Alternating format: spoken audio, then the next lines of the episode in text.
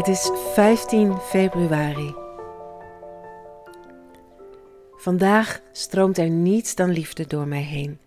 Liefde en dankbaarheid. Voor deze bijzondere en intense herinnering aan mijn oudste dochter. Maar ook liefde voor dit huidige moment waarop ik hier ga zitten en deze podcast voor jullie maak. Liefde ook voor haar broertje, mijn grote zoon, die haar nooit heeft gekend.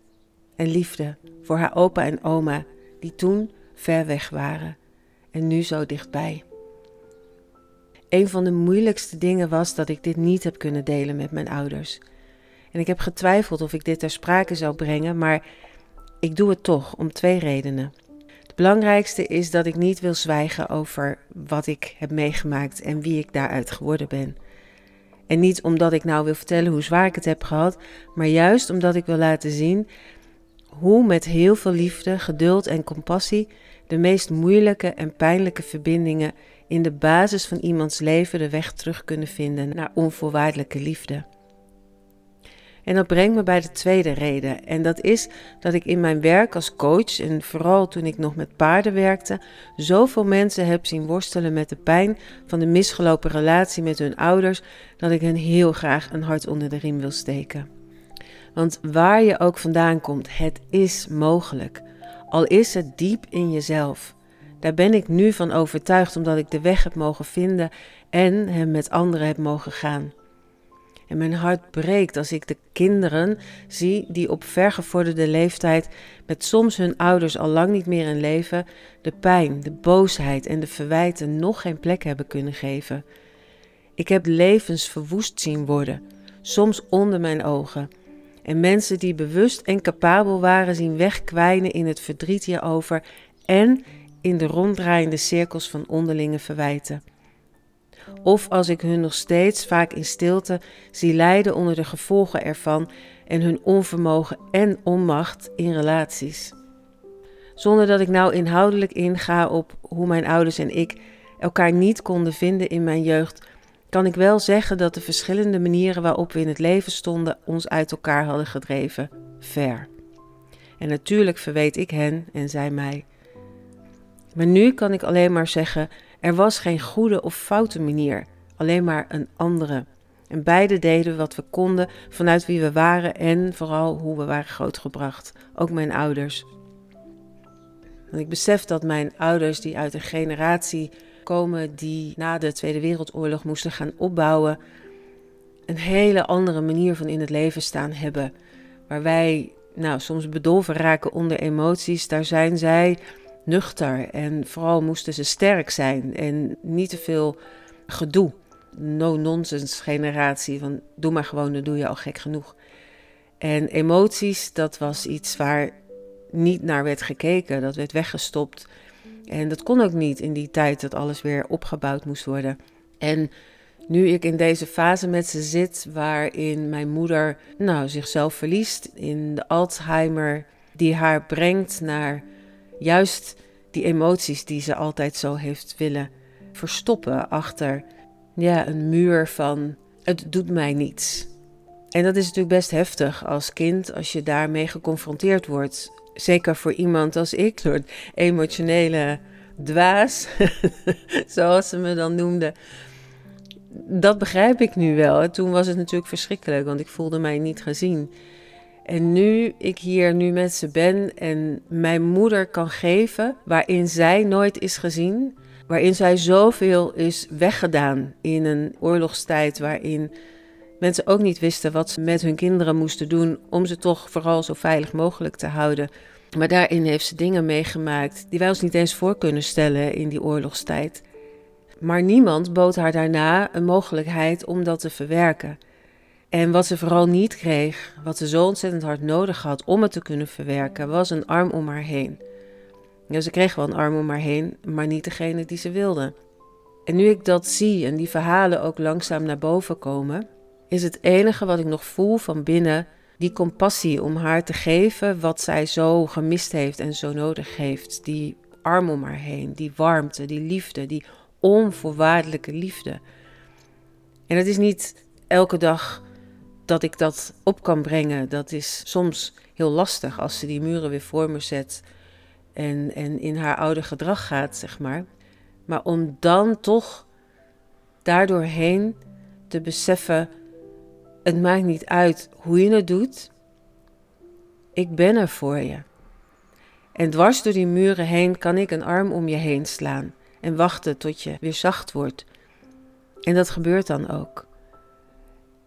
En ik besef dat ik tegelijk daarmee ook mijn oude pijn van niet die arm om me heen krijgen, dat ik die daarmee heel. Want ja, wat je een ander geeft, geef je ook jezelf. Er is tenslotte geen ander behalve jij en jouw ervaring van de wereld. En dat zie ik op die momenten en dat voel ik op die momenten zo krachtig dat het in mij een andere vorm aanneemt, een andere energie krijgt, waardoor het leven buiten mij ook een andere vorm krijgt. En in de basis is dat hetgene wat ik van mijn dochter heb meegekregen. En daarvan kun je natuurlijk ook zeggen, als er niemand is buiten jezelf, dan was zij natuurlijk ook een deel van mij, waar ik naar mocht leren kijken en waar ik nou doorleerde wat het is. En ik noem dat die multidimensionale werelden, dat wat we niet kunnen zien, dat wat we alleen maar kunnen voelen en ervaren en diep van binnen mee verbonden kunnen zijn. Dat is de wereld die zij voor mij opende. En weet je nu, hoe pijnlijk ook, toch was het goed dat ik deze tijd toen met mijn dochter alleen kon beleven. Helemaal op mijn eigen manier. Waardoor ik juist die belangrijke weg terug naar mezelf en uiteindelijk naar mijn ouders weer kon vinden.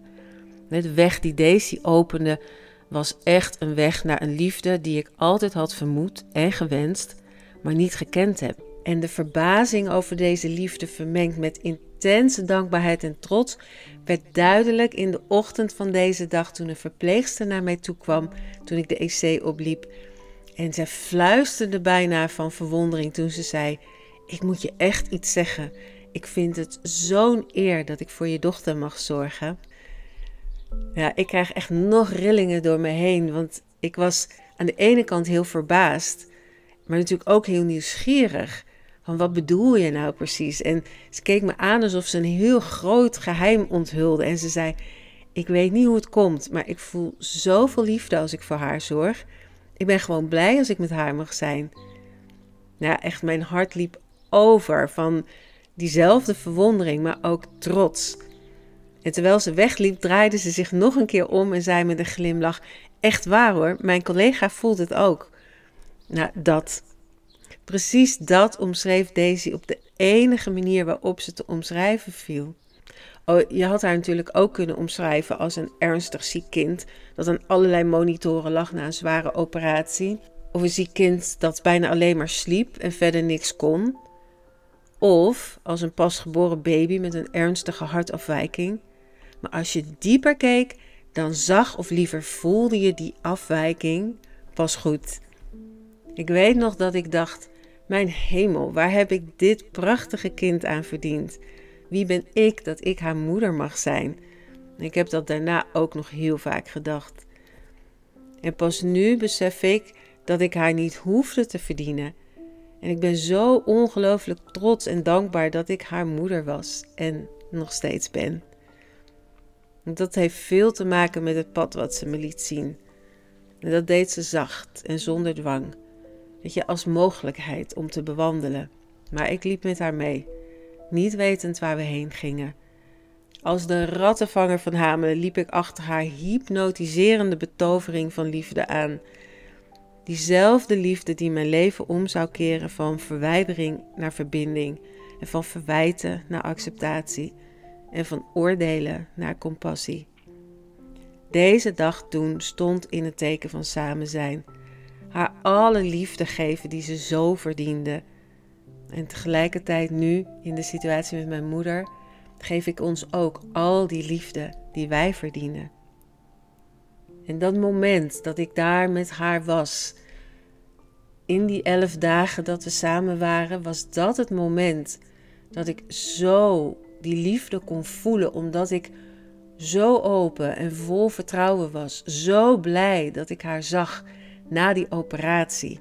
En ik praatte met haar zoals je met een geliefde praat. En ik legde haar alles uit zoals je een zieke geruststelt. En ik verzorgde haar zoals je je kind verzorgt. En ik draaide eindeloos haar speeldoosje voor haar af, terwijl ik haar beertjes nog eens schikte onder haar armpjes. Ze waren roze en geel. En ik ging naar huis met net zoveel en waarschijnlijk nog meer liefde in mijn hart als die verpleegsters. En zo kwam ik steeds meer in mijn eigen bubbel terecht, waarin deze reis, dit leven met haar, het enige doel was. Waardoor ik echt kon ervaren en voelen wat ze me kwam laten voelen en ervaren, zodat geen moment verloren zou gaan.